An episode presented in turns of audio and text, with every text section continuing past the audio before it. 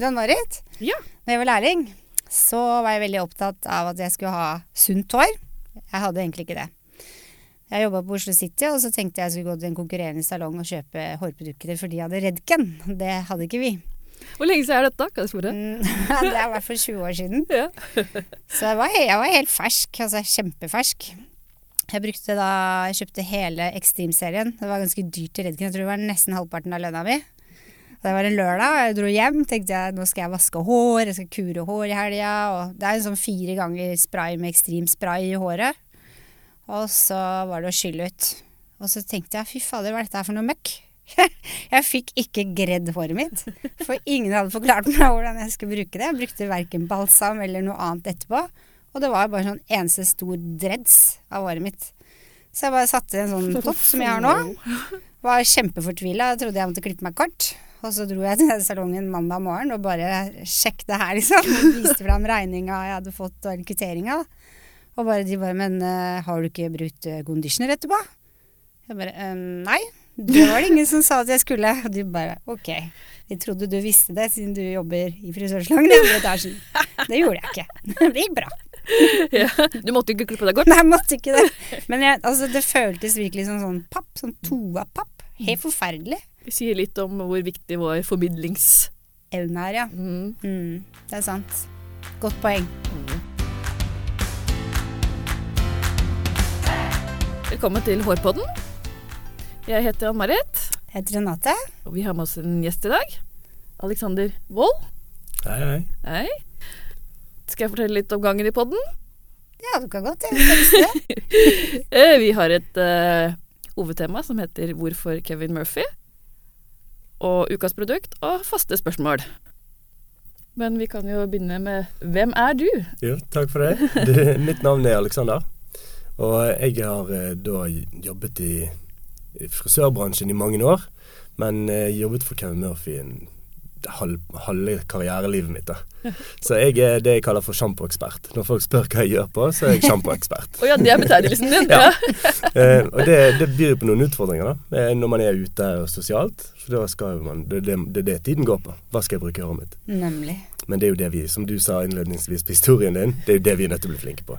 Så det er, det er jobben min. Og jeg eh, er 33 år, kommer fra Bergen, tror jeg. Tror jeg bor i Bergen ennå. Ja, det høres sånn ut. det blir noen reiser oi, i sånn, året. Hvor mange reisedager har du? Du, eh, i år havner jeg på en 120. Det ble såpass, ja. Ja. Du må være glad i å reise for å ha den jobbe med det du ja, gjør. Jeg pleier, jeg, eh, det å sitte seg på et fly er det samme som å sitte seg i en taxi. Men jeg tenker at hun hjemme må jo være grådig glad i meg, så jeg orker å holde ut. ja, det er sant. Det er sant. Får mye fritid, da. Noen setter pris på det òg. Ja, sant. At jeg tror at jeg er en sånn fyr så du kan ikke være gift med meg hvis jeg er hjemme hele tiden. Det går ikke an. Så du, jeg, du har godt av å savne meg litt. Ja. ja, for du har det jo egentlig ganske busy på hjemmeplan. Jeg må nevne det òg, jeg. Ja, jeg har jo tre, tre gutter. Ja, og de er ikke så store. Seks år, tre år og ett år. Ja. Og eldstemann har nå begynt på fotball og håndball, så har jeg klart å ta på meg ansvaret som å bli håndballtrener òg. Ja, selvfølgelig. Ja. da, Tidsoptimist. ja, ikke sant? helt riktig. Men hvor lenge har du holdt på? Jeg begynte i denne bransjen her eh, Hvis jeg skal si frisørskole, da, så var det 2005. Men jeg var involvert i noen år før det. Um, tro det eller ei, nå er jo jeg helt skallet, men eh, Vella søkte i Bergensavisen om hårmodeller. Og da meldte vi på, så dette var kult. Så jeg fikk være med Stur til Storefjell. Eh, og så ordnet jeg et par modeller for de. Så året etterpå så ringte hun en selger meg og sa du, vi, eh, vi mangler modeller. Kan du ordne, så slipper vi å legge ut en annonse. Og da møtte jeg opp med ti brunetter og ti blondiner og ti gutter som de kunne velge mellom. Så sa jeg her var jo Oi. det, her var jo det et potensial. Ja. Ja. Så jeg drev faktisk og skaffet en del modeller til eh, hårbransjen før jeg tok steget til å bli frisør på Frisørinstituttet. Var det det som gjorde at du valgte denne bransjen? Ja, uten tvil. Jeg så to gutter på scenen. Eh, Stig og Morten, som for øvrig begge har vært sjefene mine etterpå. Ja. Og så tenkte jeg fy flate, det der ser kult ut. Mm. Den oppmerksomheten de får, alle de kule tingene de gjør. Og så ser du rundt, ikke sant? så er det 600 kvinner og 50 menn. Så Drømmejobben. Drømmejobben. Så da var det bare å hoppe i det, altså. Og det Frisørinstituttet, det er vel kanskje første gang i min, mitt liv at jeg ikke har måttet løpe etter bussen til skolen eller skulket. For du Ja. likte det så godt? Det var helt fantastisk. Du digga det? Ja, ja, ja, absolutt. Så brikkene falt på plass. Fantastisk historie. og i dag er du jo den personen. Du står jo på scenen, og Ja. du lager jo show og Det var målet fra dag én. Ja. Så, og det sa jeg òg når jeg søkte om lærlingplass på første, første salong. Så sa jeg at eh, jeg kan gjerne bli lærling her, men jeg skal ha frihet til å reise overalt der jeg vil når de trenger meg som assistent. For det var litt kriteriene mine. sant? Hvis det, jeg skulle skaffe modeller, så skulle jeg òg få være med og assistere backstage. Ja. Så det de begynte å gjøre, de sendte meg sånn til Trondheim tre dager før show. Og så sånn, finn modeller til oss, og så gikk jeg rundt på gaten og skaffet modeller, og så fikk jeg hjelpe de backstage etterpå. Herregud. Ja, ikke sant? Men du er det typisk bergensk å være målbevisst? Mm, i, det er i hvert fall typisk bergensk å tro at man er målbevisst. Ja, man har troa på seg sjøl i hvert Ja da. fall. Ja. da. Det, og det merker jeg kanskje når jeg reiser rundt i hele Norge. Sant? At eh, jeg føler meg veldig tilfreds i Bergen. Og jeg Mm. føler meg veldig tilfreds jo lenger nord jeg kommer, for der er de litt samme typen. Jeg vet. Jeg er fra nord. Ja, Du hører vi ikke på da, da. Nei. Men hvor lenge var du frisør, og hvor lenge har du holdt på med det du gjør nå? Nå har jeg eh, Når eh, 2019 kommer, så har jeg vært lenger på det jeg kaller for the dark side of the industry eh, enn det jeg var frisør. Så eh, jeg har vært eh, nå snart åtte år med Kevin Murphy Ja. på eh, education og leverandørsiden. ja. Altså det, Det, var, det er noen år. Ja, det er noen år. Og Ja. det, det høres jo helt sinnssykt ut når jeg sier det høyt. Det føles ikke sånn, eller? Nei, det gjør jo ikke det. Jeg føler at tiden går bare raskere og raskere. raskere. Mm. Eh, og, men jeg husker òg så godt hvert eneste år jeg har hatt det i salong. Mm. Så det, det sitter veldig framme i pannelappen, det òg, altså. Savner du å jobbe i salong? Noen ganger så gjør jeg det, fordi at du har det faste eh, liksom, miljøet å forholde deg til. Mm. Og du har kollegaene, og, men samtidig så, så eh, for jeg føler jeg jobber i alle salongene som har Kevin Murphy i Norge. Og det er litt måten vi gjør det på. Sant? Vi har aldri, aldri liksom prøvd å være på den store scenen hele tiden, men det er inni hver enkelt salong vi har list, likt, likt oss, da. Så jeg føler jo jeg har fått en kjempestor Kevin- eller frisørfamilie ellers i bransjen nå. Du har mange kollegaer. Veldig mange kollegaer, og både internasjonalt og nasjonalt. Ja. Så ja, man savner jo alltid å være frisør, og jeg ser jo på meg sjøl som frisør og ikke en educator fremdeles. Men jeg vil ikke bytte tilbake igjen de erfaringene jeg har fått de siste åtte årene heller. Men hvorfor er Kevin Murphy? Hva er Det- så spesielt med det? Ja, det kan du si. Det var eh, Altså, da må vi tilbake igjen til første gang jeg møtte Kevin Murphy. Har du møtt han? Eh, Kevin, Kevin er en kompis. Er det Ja, ja, ja. sant? Er du så heldig du nå i Barcelona på, eh, på den awardshowen som vi har for alle distributørene i verden, så lurte jeg Kevin til å være DJ sammen med meg på festene. Ja, du vet, I 2000, var det 2008 så så jeg Kevin eh, produktene for første gang på Salon International.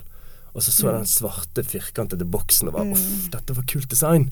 Og fikk liksom, og fikk litt sansen for designet, da. Og når jeg kom tilbake til Norge 2009-10 altså Tallet går litt i surr, men da byttet jeg salong, og der hadde de Kevin, produktene. Så fikk jeg jobbet litt med de, og så fikk jeg gå på et kurs. Der var det en dame fra Australia. Dette var jo helt i starten. Det var ingen education i Europa. Og hun, hun endret min hverdag som frisør. Hun skrudde på så mange lyspærer i hvordan man formidler produkter, hvordan produkter fungerer, hvor annerledes det kan være. Og jeg var kjempedårlig i produktsalg. Og jeg gikk tilbake igjen den fredagen på jobb og solgte mer produkter enn noen andre i Norge. Og det Oi, gjorde jeg hver dag i to år jeg var på jobb, omtrent. Oi. Så vi snudde varelageret til leverandøren på hodet. Og, eh, hun sa at vi trenger en frilanser i Norge. Om jeg kunne vært interessert i gjort det litt sånn deltid. Og måtte sende inn CV, da, for den ville Kevin se på. Og der sto jo det fra modelltiden, sant? så sto jo det Bjørn Aksen og Sassi og Sebastian, og de var sånn OK, du, vi kan, vi kan gi deg et forsøk. Ja. Og det holdt de på med i åtte måneder, og så lyste leverandøren ut en stilling. Så tok sjefen min meg inn på bakrommet og så sa han, du, jeg ser denne stillingen her, den har jo ditt navn på. Jeg forstår veldig godt hvis du har lyst til å prøve det. Eh, hvis det ikke funker, så er du velkommen tilbake. Wow. Og det var liksom Eller hadde ikke han sagt det, så hadde jeg aldri klart å For en leder. Ja, for en leder. Så han, er, han har vært min mentor gjennom hele livet, da. Mm. Morten Jensen. Så det var han som ga meg første mulighetene på scenen og tidligere fra andre merker. Men den gangen der så, så så vi oss aldri tilbake, på en måte. Så det var litt sånn jeg lurte på noe og ikke kunne svaret, så var, var Kevin den jeg ringte til for å spørre. Du, det produktet her, hva, hvordan gjør vi det? Herregud. Så, Så du har nummeret til Kevin, så du kan ringe når som helst? Ja. Ikke Det, verst! det høres jo sikkert spesielt ut, sånn, men jeg har vært med siden det bare var meg, en fra Mm. Finland, en fra Sverige og en fra Italia. Så det var oss fire. Det er vi fire som er tilbake igjen i dag, som Så vi hadde jo noen andre steder å få informasjon fra. Det var fra Kevin Murphy. Jeg har lært et triks av han, faktisk, som jeg har brukt eh, både på skolen og utdanner elever og i salongen. Og det er hvis du lager afro med permanentsporer eller ruller opp, Ja. hvor greier du opp med hendene, og så tar du en nylonstrømpebukse rundt en sånn uh, kleshenger, Yes. og så former du afroen akkurat sånn som du vil ha den. Om den må være rund, firkantet, men skal være splitta midten, reine linjer. Mm. Så bruker du den til å jobbe med med spray. Kjempetriks. Altså, det er så rått. Ja, du får formet Det det. er så populært. Og når du kommer med det, når du driver med sånn permanentspor og sånn, som egentlig er ganske kjedelig, så kommer du med den. Da blir det hit. Da blir du populær. Ja. Det, det, det, Nylonstrømpen fordeler jo varmen helt jevnt, sånn, så du Mhm. får jo lagd de kuleste formene. Ja, og så får du ikke noen sånne merker. For den bøyer jo Når du legger den inntil håret, så bøyer den håret, eller bare følger håret, på en måte. Ja, ikke Helt genialt. Ja. Fikk du lyst på afro nå? ja. Har, du, har du noe tid i dag? Men det er en veldig gøy måte å jobbe med form på. Ja, Det er det. absolutt. Det lærte jeg han. Hva da? og, og, på hvilken Så du på show? Så du på show, ja. Du Ja, var på show, du. Så plukka ut. Jeg syntes det var gøy, da. Ja, det var gøy. Ja.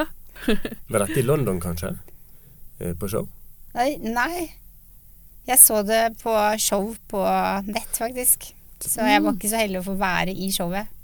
Men jeg ble litt nysgjerrig. Hva er trikset for å bli den beste selgeren i salongen? Den beste selgeren? Ja. Oh, ha, har du tid? Ja, dette Men vet du hva, dette er, dette er det jeg underviser i, egentlig. Ja. For jeg tror ikke det at eh, produktkunnskap, altså ingredienskunnskap, gjør deg til en bedre frisør. Jeg tror ikke det gjør at kundene forstår produktene bedre. Jeg tror det at folk er, unnskyld språket, møkk lei av å bli solgt til.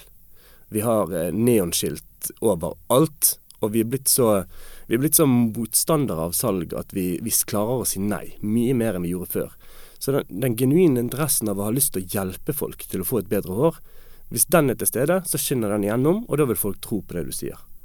Og da må man ha kunnskap ikke bare om produktet, men, men enda mye mer om hvordan man formidler det. Sånn, hvordan kan jeg få kunden til å forstå at jeg prøver faktisk å hjelpe henne, og ikke selge til henne. Det er egentlig 90% av min hverdag nå. Det okay. å prøve å lære frisører til å snakke på en litt annen måte enn det vi har gjort før. Sant? Vi har jo alle fått beskjed om at ja, vi må stille produktene ut foran kunden med etiketten ut. Fordi at eh, av en eller annen grunn så får man mer lyst på noe man ser lenge på, selv om man egentlig ikke har lyst på det. Altså, jeg har prøvd den taktikken på byen. Jeg fant en dame, Grådeskjønn, stilte meg foran henne hele tiden. Hun fikk mindre og mindre lyst på meg, og til slutt ble jeg kastet ut, og da skrotet jeg den taktikken.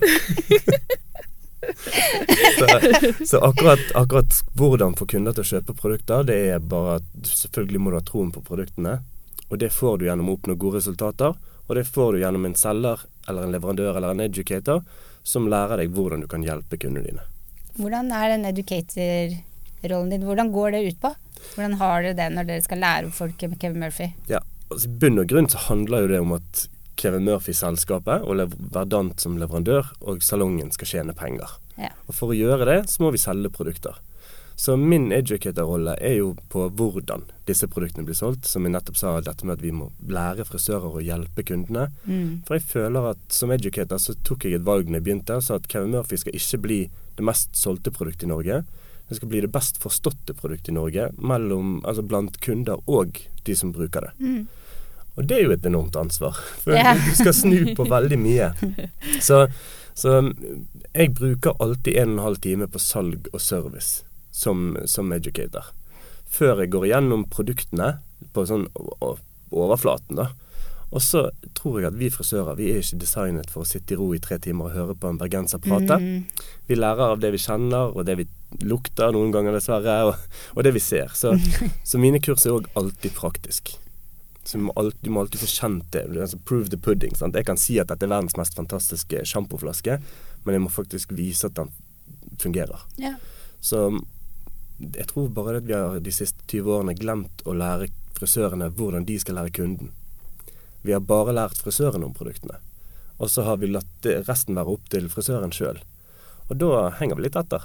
Ja. mm. det er så sant. Men Men, da er det jo liksom sånn som du snakka i starten nå. Da mm. havner man på sånn kunne de, ja. ja. Ja. Men jeg er litt interessert i det. Ja. Du kjenner jo han så godt. Hvem er uh, Kevin Murphy Det, som person? Hvem er han? ja, for, som person. Jeg har, Ja. eh, min første møte med Kevin er en veldig god eh, beskrivelse av hvordan Kevin er som person. Og da husker jeg at nettopp takket ja til den der stillingen, eh, og da var jeg på en måte en av assistentene på et show i København. Vi fikk beskjed om å møte klokken åtte om morgenen. Og da skal vi klippe opp sånne pompongs. Jeg vet ikke, sånne Papprundinger med tråd gjennom som liksom skal bli en ball. Mine bare datt i to. Jeg har aldri klart å lage en sånn. Eh, og da møtte vi klokken åtte. Vi fikk beskjed om at alle stylistene eller frisørene fra Australia og New Zealand de kom klokken elleve. Så vi skulle lage dette, for det skulle syes inn i parykker. Og da var det en kar som gikk der og kostet opp tråd og, og ryddet etter oss. Og det var Kevin.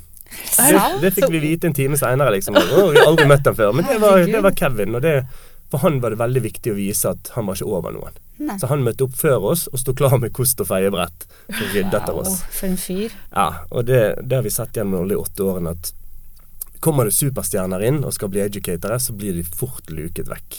Mm. For det handler om at uh, det er én sjef, og det er kunden. Og det sier Kevin òg. Det er én sjef, og det er hun som bruker produktet mitt hjemme på badet sitt. Ja. Så Kevin er mm, Han er en utrolig ydmyk, forferdelig irriterende, genial frisør. Du vet når du står og backbrusher eller rundføner et hår, så går han bort og bare tar på det med kammen, og så blir det perfekt. Så han er, han er der. Så du, så du blir- mister litt mot av å jobbe ved siden av han. Men, eh, men han er jo bare så hyggelig og grei. Ja, for han er frisør i bånn, han da. Han er frisør i bunn, så Ja. han begynte jo Han begynte jo sin karriere i Australia. Og så eh, har han, han har litt- sliter litt med dårlig hud. Eller dårlig hud. Ja, nå så jeg for meg. meg Dårlig, kjø- kjempedårlig hud. Nei, men litt sensitiv hud da, på Ja, ok. hendene hans. Og når han begynte å bli stor på styling, så, så fikk jo han tildelt masse produkter, men han følte ikke at noe av det fungerte optimalt for modellen sitt hår, eller for sin egen hud.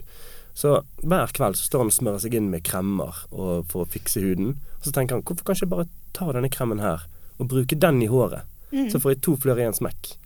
Og fra den ideen, også noen år fram i tid, så har lansert han da til slutt fire produkter som har Kevin Murphy Skincare for haircare. Og det var kun til seg sjøl. Så i mange år hadde han de produktene bare i sin egen bag for å kunne overleve som frisør og stylist. Wow. Ja, Mm. wow, ja. Jeg husker også du sa det at, for at veldig mange av produktene lukter jo lavendel. Ja. Og at han også lukter Han lavendel. lukter lavendel. Jeg er sikker på at Kevin Murphy har, bruker ikke parfyme. Han har bare, det er bare lavendel som sitter i huden hans nå. Altså. Han er sinnssykt glad i det. Nesten alle produktene har lavendel. Ja. Det er jo ikke det verste man kan lukte. Nei, absolutt ikke. ja, når er det Kevin Murphy-produktene kom til Norge, egentlig? De eh, første leverandøren var i 2009. 2009, ja. Ja. Så Det var Verdant, eller? Det var Verdant. Ja. Men det var noen karer et annet sted i landet som parallellimporterte det litt i starten. Eh, men så, så kom det en skikkelig leverandør på banen. Da. Ja, det ble bare feid av gårde. Da var det Verdant. Ja, da, da startet, så ja, tok jo det i hvert fall et år eller to før Verdant egentlig skjønte hva de hadde på lageret sitt. Mm. Sånn, Før vi begynte å snakke om behandle håret som hudpleie, og det gjør du med Kevin Murphy, da tok det fyr. Ja. Så vi har ikke sett oss tilbake siden den gang. Det, er, det, og det som jeg tror er så gøy, er at måten vi snakker på, måten Kevin Murphy virker på, gjør at kundene i dag kan putte det inn i systemer de allerede bruker på huden sin. Så det tror jeg er nøkkel til suksess. Eh, det beste hårshowet du har vært på noen gang? Å, herregud, må jeg velge? Jeg har vært på så mange som, som har hatt en stor betydning for meg, men det aller, aller, aller beste hårshowet, det må ha vært Kevin Murphys show i Praha i mai. Å ja, det er ganske nylig. Det er ganske nylig. Ja. Og det overgikk alt jeg har vært på. For, Hva- eh, det, det var en, for det første, venue er utrolig viktig. Sant? Lokalet var en nedlagt togstasjon midt i Praha. Det var svært. Det var 1700 mennesker fra hele verden der. Og normalt sett så, så er det sånn at det bygger seg opp, og folk har kanskje tatt en drink, og vi har fått noe mat, i glass, nei, mat i, på fatet og noe vin i glasset. Ja. Og så kommer Kevin ut og så snakker om de nye kolleksjonene. Men akkurat på dette showet her så bare gønnet de på med en rå Madonna-låt. 40 modeller som bare gikk catwalk på scenen. Og så var det en klippeseksjon. Det var, det var lite prating. Det, var, altså, det så ut som det var bare den nyeste Gucci-kolleksjonen som var kledd, modellet var kledd opp i. Så det var bare en sånn eufor Altså det bygget og bygget og bygget. Når du trodde at du var nådd toppen, så var det ti steg til. Så folk sto på sol, stolene sine. Det var 100 grader i lokalet, og ingen brydde seg. Så det var, det var magisk. Men jeg har et annet show jeg er nødt til å nevne òg, som jeg var utrolig imponert over. Det var under NM sist. Det var Hot Coiffeur sitt yeah. show. Mm, det så jeg. Og med Duan Tran i, i midten der som kreativ leder, da, sto, da, da hadde jeg konstant frysehud på, fra beina til armene hele showet. Ja, det var fantastisk. Det syns jeg var veldig, veldig bra. Tilbake i tid så var det et annet show òg som har preget meg masse. Det var faktisk eh, Kjell Nordstrøm og Morten Jensen sitt Sebastian-show i Oslo Spektrum igjen. Black Bride. Som ligger faktisk på YouTube enda, og det er vel nå det var, i- Er det ni år siden? Jeg skal gå inn og sjekke. Ja, det Ja, men det var, det var liksom Og det var ni år siden, men da var det homofile som klinte på scenen. Det var nyopererte silikonpupper så vidt skjult, og det var Black Bride. Det var en elgitarist som spilte brudevalsen og rocket den opp. Så det var, det var så sjokkerende, men det var så ufattelig mye bra hår og klær samtidig òg, at jeg tror aldri det har vært et sånt show med så mye folk under NM noen gang etter. Nei. Så kult. Ja, det skal jeg gå inn og sjekke. Ja, ja, ja. Jeg så ikke det, faktisk. Jeg har ikke sett det. ni år siden, det. jeg burde jeg vært der. Ja. Jeg konkurrerte sikkert. Unnskyld meg der. Hvor er det du finner din inspirasjon? Du, hovedsakelig så er det musikk. Oi. Ja, hvis jeg, jeg, og jeg har jobbet som DJ og litt produsent eh, på fritiden min i 14 år, eh, sammen med en kamerat. Og, og det der eh, Jeg har ikke Spotify. Aldri hatt Spotify på telefonen. For når jeg hører på musikk på flyturer, sånn, så hører jeg gjennom ny musikk som jeg har funnet, eller gravd meg gjennom følgere på Soundcloud og prøvd å finne nye ting. Og når jeg hører sant, det kommer en kul dropp, så tenker jeg å, det skulle vært i et hårshow, og da skulle sånn og sånn skjedd. Mhm. Så det starter for meg veldig ofte med musikken. Og så tror jeg at jeg er passe gal nok i hodet til å komme på resten. Men eh, sånn Sinke til fly, en stor inspirasjon. Når jeg, må, når jeg er nødt til å prøve å bruke tiden min kreativt på en flyplass.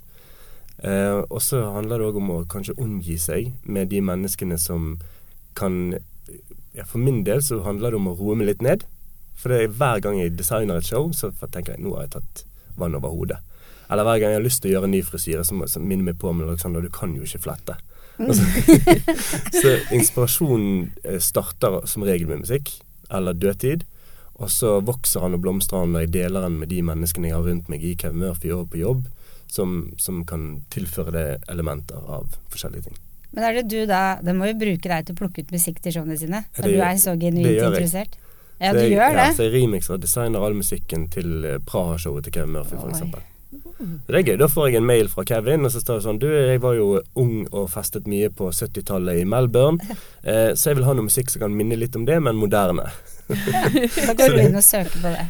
Det er jo vanskelig å søke på det, for da får du bare opp eh, mange ulovlige ting. Så, så, men da handler det litt om å så finne gammel musikk som kanskje alle har hørt om, og så ligge på noen nye basslinjer og gjøre litt kule Så du lager da den musikken, da? Jeg redigerer den, jeg vil ikke Ja. si lager. Nei, men du Men, ja. gjør noe innovativt da, Ja. av en gammel sang? Og så får jeg kanskje en låt av Kevin som han sender på mail, og så sier han kan vi, kan vi gjøre denne sangen her til syv minutter lang, og som er litt raskere. Og så, men Kevin, den er, det er bare et refreng. Altså, det er en, ett minutt du har sendt meg. Ja, men det går bra, det er catwalk. det går fort, da. Det går fort. Det går veldig fort. Men de ser showa som er i Norge fra Kevin Murphy, er det du som lager de, eller? Ja. Ja. Så da lager du alt fra A til Å, med hjelp selvfølgelig, Hvis, da, men hvis vi henter inn eh, stylister fra utlandet så Vi bruker jo ofte Marianne Jensen fra Danmark, som er bare en fantastisk stylist, og The Queen of Braiding. Så har de et format. Men eh, da ordner jeg alt. Da ordner meg og Jeanette, som er kollegaen min, vi ordner alt fra venue til catwalk til musikk til lys. Og så kommer de med en powerpoint-presentasjon og looks som de forholder seg til. Men alt annet er det vi som ordner. Og det Jeg klarer ikke å slippe det fra meg. Nei. Det er det jeg gjorde med, med Vella og Sasun og Sebastian opp gjennom hele karrieren. Sant? Jeg har stått bak og lagd sånn timeplan til lysfolkene. Og, så de tror jo av og til jeg er litt psykopat, disse lys- og lydfolkene, når jeg kommer med sekunder på hvilket farge jeg vil ha på stemningslyset. Sånn. Men det får de bare forholde seg til. Ja. det er virkelig ned til minste detalj. Ja, man blir litt uh, gal Ja, av å ok. Men å jobbe på flyplass og sitte der, det er egentlig Jeg liker det. Sitte der, det er pulser overalt, og kan ta et glass vin, du kan høre på musikk mens jeg sitter på Mac-en. At andre blir stressa, jeg blir rolig av det. Faktisk. Mm. det- Det er en av de mest fantastiske tidene jeg har det. Ja. For da er du, du, du kobler helt av, Mm. og så kan du bare tømme hodet, og så kan du sitte på Mac-en. Og så jeg, jeg føler i hvert fall at jeg er en person som jeg trives bedre, og jeg klarer å konsentrere meg mer når det flyter rundt meg. Altså. Ikke, Ja, ikke sånn. nødvendigvis rotete, men at det er action og mye styr og mye støy. Frisørskade. Du Det er er vant til det. det. Du konsentrerer deg om kunden, mens alt annet flyter rundt deg i salongen. Tenk så bra showene hadde blitt hadde jeg bare hatt en spray, hårspray i bagen, så jeg kunne sittet inn i en sånn hårspraysky i en time òg, da. Det syns jeg du skal teste. Ja, det skal jeg neste gang, jeg lover. Men du, hvis det er noen av lytterne våre som sitter og tenker at åh, den jobben din er kul, Hva, er, har du noen tips til de, hvordan de skal komme fram? Det handler om å ta plassen sin, altså. Ja. Um, og så um, ha et brennende ønske om det. Og det som du sa, det bergensere er kanskje målbe målbevisste. Um, men veien min har òg blitt litt til underveis. Så det var ikke sånn at jeg når jeg gikk på fotballakademi, drømte om å stå på en scene foran 1700 mennesker og gjøre hårshow. Det hadde jeg egentlig ikke sett for meg, og jeg visste ikke hvor, hvor denne veien kom til å bære. Men jeg visste at jeg var glad i oppmerksomhet, og jeg visste at jeg ville jobbe inne når det regna ute. Eh, og jeg visste at jeg, var, jeg likte å være kreativ. Og jeg likte å style. Jeg, likte, jeg, sant, jeg sto og bleket mitt eget hår på baderommet om natten mens mamma og pappa sov når jeg var ti år gammel. Er Jeg sant? holdt på tak i blekepulver fra, fra Kubus. Da må jeg spørre deg. Ja. Forferdelig. Ja, men så gikk jeg jo på Witchy Bitch og kjøpte sånn hender blåfarge. Så for å fikse det. Og så veldig, prøvde veldig mye og prøvde å få sølvhår på den tiden. Sånn 10-14 år. Så til min mor og de store forskrekkelse. Eh, så var vel mørk i nakken og blond i luggen. De tvingte meg til å måtte gå sånn en stund for å lære det. Men jeg har alltid, alltid vært der, men, så, men jeg har ikke, har ikke vært bevisst på det. Så brikkene falt på plass egentlig når jeg tok valget. Og min tante som har vært frisør, sa ja, men nå skjønner jeg det. Nå skjønner jeg du er den verste kunden jeg noensinne har hatt, Alexander. Så nå, dette gir mening. Men for å, for å bli en educator, så må du være bevisst eh, på at det krever en del timer. Og jeg, jeg var sjeleglad når jeg gikk eh, som lærling i salong, og vi fikk lov å gå på et kurs. Så det spilte aldri noen rolle om jeg måtte bruke fritiden min og det. Så når jeg hører i dag sånn at de, vil ikke komme fordi de får ikke betalt Er ikke det rart? jeg, jeg blir helt jeg, altså, Mm. vondt i hjertet. Mm. For det er det som kreves. Altså Man må investere enormt mye av sin egen tid og skaffe kontakter og være til stede. Og du må rope først og høyest hvis du kjenner en leverandør som skal ha et show, og si 'hei, jeg vil jobbe backstage'. Jeg, jeg betaler min egen flybillett til Oslo og kommer og hjelper. Du må vise den interessen. For det, det er interessen og potensialet man investerer i. Mm. Eh, og vi i Verdant er veldig opptatt av det. Sant? Når vi henter inn folk, så er ikke vi interessert i å finne den aller beste frisøren. Men noen som gjerne har interessen og potensialet til å bli den beste frisøren. Lønna må jo være at du blir inspirert. Ja, Men det kan jo være at i dag, pga. at de, vi bruker så mye Instagram, at de tenker vi blir inspirert der. Så blir man kanskje litt sånn layback og lat, og så vil man ha penger for det. kanskje. Jeg ble i hvert fall veldig drevet av at noen tagget meg, da. Ja, Det var sånn Gi meg noe cred, og så stiller jeg opp på deg. De har sånn egen tag på Kevin Murphy. Love Kevin Murphy. Ja. Ja, det har jeg sett. Mm. Mm. Vi har vår egen, eh, en egen Instagram-profil som heter Love Kevin Murphy. Ja, da er det det jeg har sett. Jeg har sett det på en del bilder. Eh, Ja, hva tenker du om det med sosiale medier, og at eh, folk blir inspirert der, framfor det å gå på et show? Jo, jeg ser begge deler. Jeg, Ja. jeg ser veldig mye på sosiale medier sjøl. Eh, men det jeg føler er at når jeg ser på sosiale medier, så ser jeg veldig tydelige bilder av hår. Og da kommer en sånn Jeg lurer på om det var Trevor Sorby som en gang sa at eh, eh, å være original i dag betyr bare at du glemmer hvem kilden din er. Så, så jeg, Ja. jeg føler at eh, man ser noe, og så lager man det samme, eller man lager noe ut ifra den. Det er den veien det må gå. Men på et show så får du føle musikken på kroppen. Du får, du får gjort deg opp noen tanker underveis. Du bruker ikke ti sekunder på ett år, du ser på neste modell og på neste modell. Så du sitter igjen med en, et helhetlig inntrykk og en følelse som ikke kan sammenlignes med å se et bilde på Instagram. Så impulsen. Mm. Ja, det er impulsen, Det er det. og det er, det er den følelsen du får. Ja. Så du, det, er igjen der kommer musikk for meg. Sant? Jeg får lyst til å skape når jeg føler. Men hvis jeg bare ser, så er det en konklusjon. Hvordan har du gjort det? Får ikke samme følelse av å ha god mat og et glass vin og sitte hjemme alene i stua. Nei, ikke det hele tatt. Jeg Men så er det jo liksom, vi snakka om det med Jan Christian nå, at man vil jo liksom være til stede, liksom. Være i miljøet. Liksom snakke med andre kollegaer og leverandører og få liksom inspirasjonen derifra, da. Enn å sitte liksom konstant på YouTube og Jeg gjør det mye òg, altså, men uh, man vil jo liksom møte mennesker, da. Sitter Ja. man, sitter man alene, sant? Det er som jeg sa òg med inspirasjon. Sitter man alene, så kommer man bare så langt. Men det er det man deler tanker og deler inntrykk og sant? Jeg sitter ofte med masse mennesker som jeg, som jeg vet føler når de ser på show, og så deler vi det etterpå. Det er, der, det er det vakuumet der kreativitet og innovasjon oppstår. Mm. Og det er så sant. Det er det. Jeg Elsker hårshow. Det er kanskje mye rart med en flaske vin hjemme og Instagram, men eh, å være til stede handler om å være til stede. Ja. Må være i miljøet. Må det. Skal vi ta ukas produkt, da? Ukas produkt. Tok jeg Kevin Murphy-produkt, jeg. Ja, så bra, da. Ja. Anti-gravity spray. Spray. Det er definitivt mitt must have når jeg jobber med Kevin Murphy. Uh, den gir volu- volum og glans. Og det jeg liker best med den, er at jeg kan ta den i tørt hår og fønevolum. Uansett, liksom. Så det er dårlig hårdag. Bruker, bruker jeg den, føner det, og så er jeg klar for dagen. Jeg vet hva, jeg smiler fra øre til øre. Kunne, du kunne ikke valgt et bedre produkt. Hvis, hvis Kevin ringer til meg i dag og sier Vet du hva, Alexander, sorry, jeg gidder ikke mer. Vi skal slette hele serien. Mhm. Du får bevare ett produkt. Mm. Så hadde det uten tvil vært Ja, anti-gravity spray. Ja, ja, ja. Vi. Jeg har ennå ikke gjort en Fashion Week eller en, et filmsett eller en fotoshoot med Kevin der ikke 100% av alle modellene har anti-gravity spy i håret. Uansett hva style de skal ha. Det, det, den er, og den lukter jo masse lavendel. Mm, Så- det gjør den. ja, det, det er det råeste produktet i hele serien. Ja. By far. Ja, veldig enig. Hva er dine hårrutiner? Ja, det er å barbere hodet. sånn Eh, det, sant, jeg mistet de hårene jeg var 20. For tre år siden så barberte jeg Nei, tatoverte jeg faktisk hodebunnen min. Så det ser ut som jeg har valgt å shave det, fordi at jeg har så mye hår. Ja. Men egentlig har jeg ingen hår. Er det sant? Så jeg har hår rundt, og så er her er tatovert. Jeg ser det. Wow. Men det ser ut som hår. Ja, det ser ut som hår. Så Så reiste kult. til London to mandager på rad og fikk tatovert hodebunnen. Det er jo helt rått. Ja, min kone sa at hvis du tar hårtransplantasjon og skal begynne å style håret ditt hver morgen, så er det garantert en skilsmisse innen fem år. Så da blir du så selvopptatt at dette går ikke an.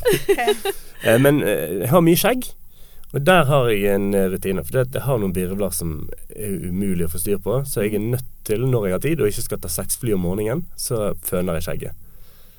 Og da er det fuktighetssjampo, fuktighetsbalsam, og så er det en olje i, eller en krem i skjegget. Jeg liker ikke olje så godt. Nei.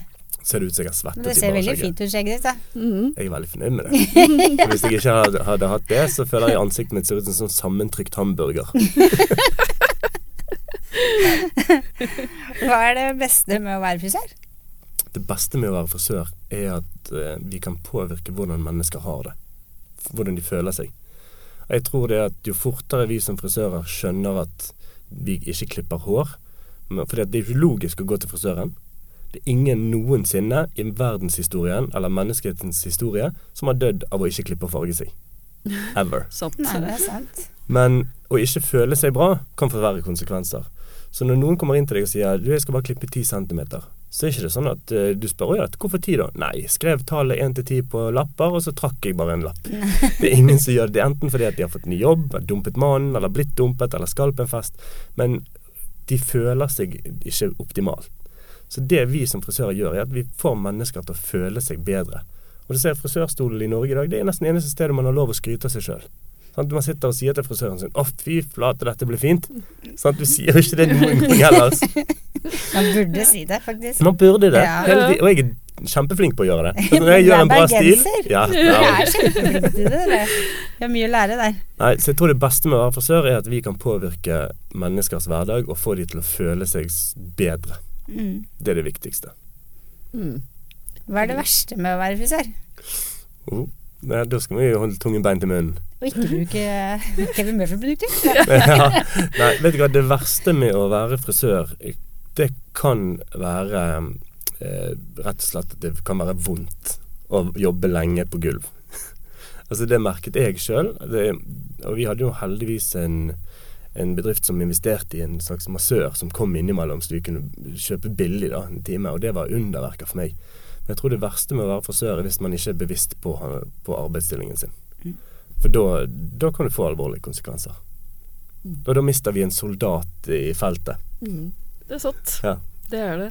Ja, da har vi kommet til veis ende. Takk for at du kom til oss. Supert, supert. Tusen takk for invitasjonen. Mm, Ja, Tusen veldig, takk. veldig glad for at du stilte opp. Og så må vi takke Studio Alf for at vi kan drive med podden. Og takk for oss. Takk for oss. Ha det.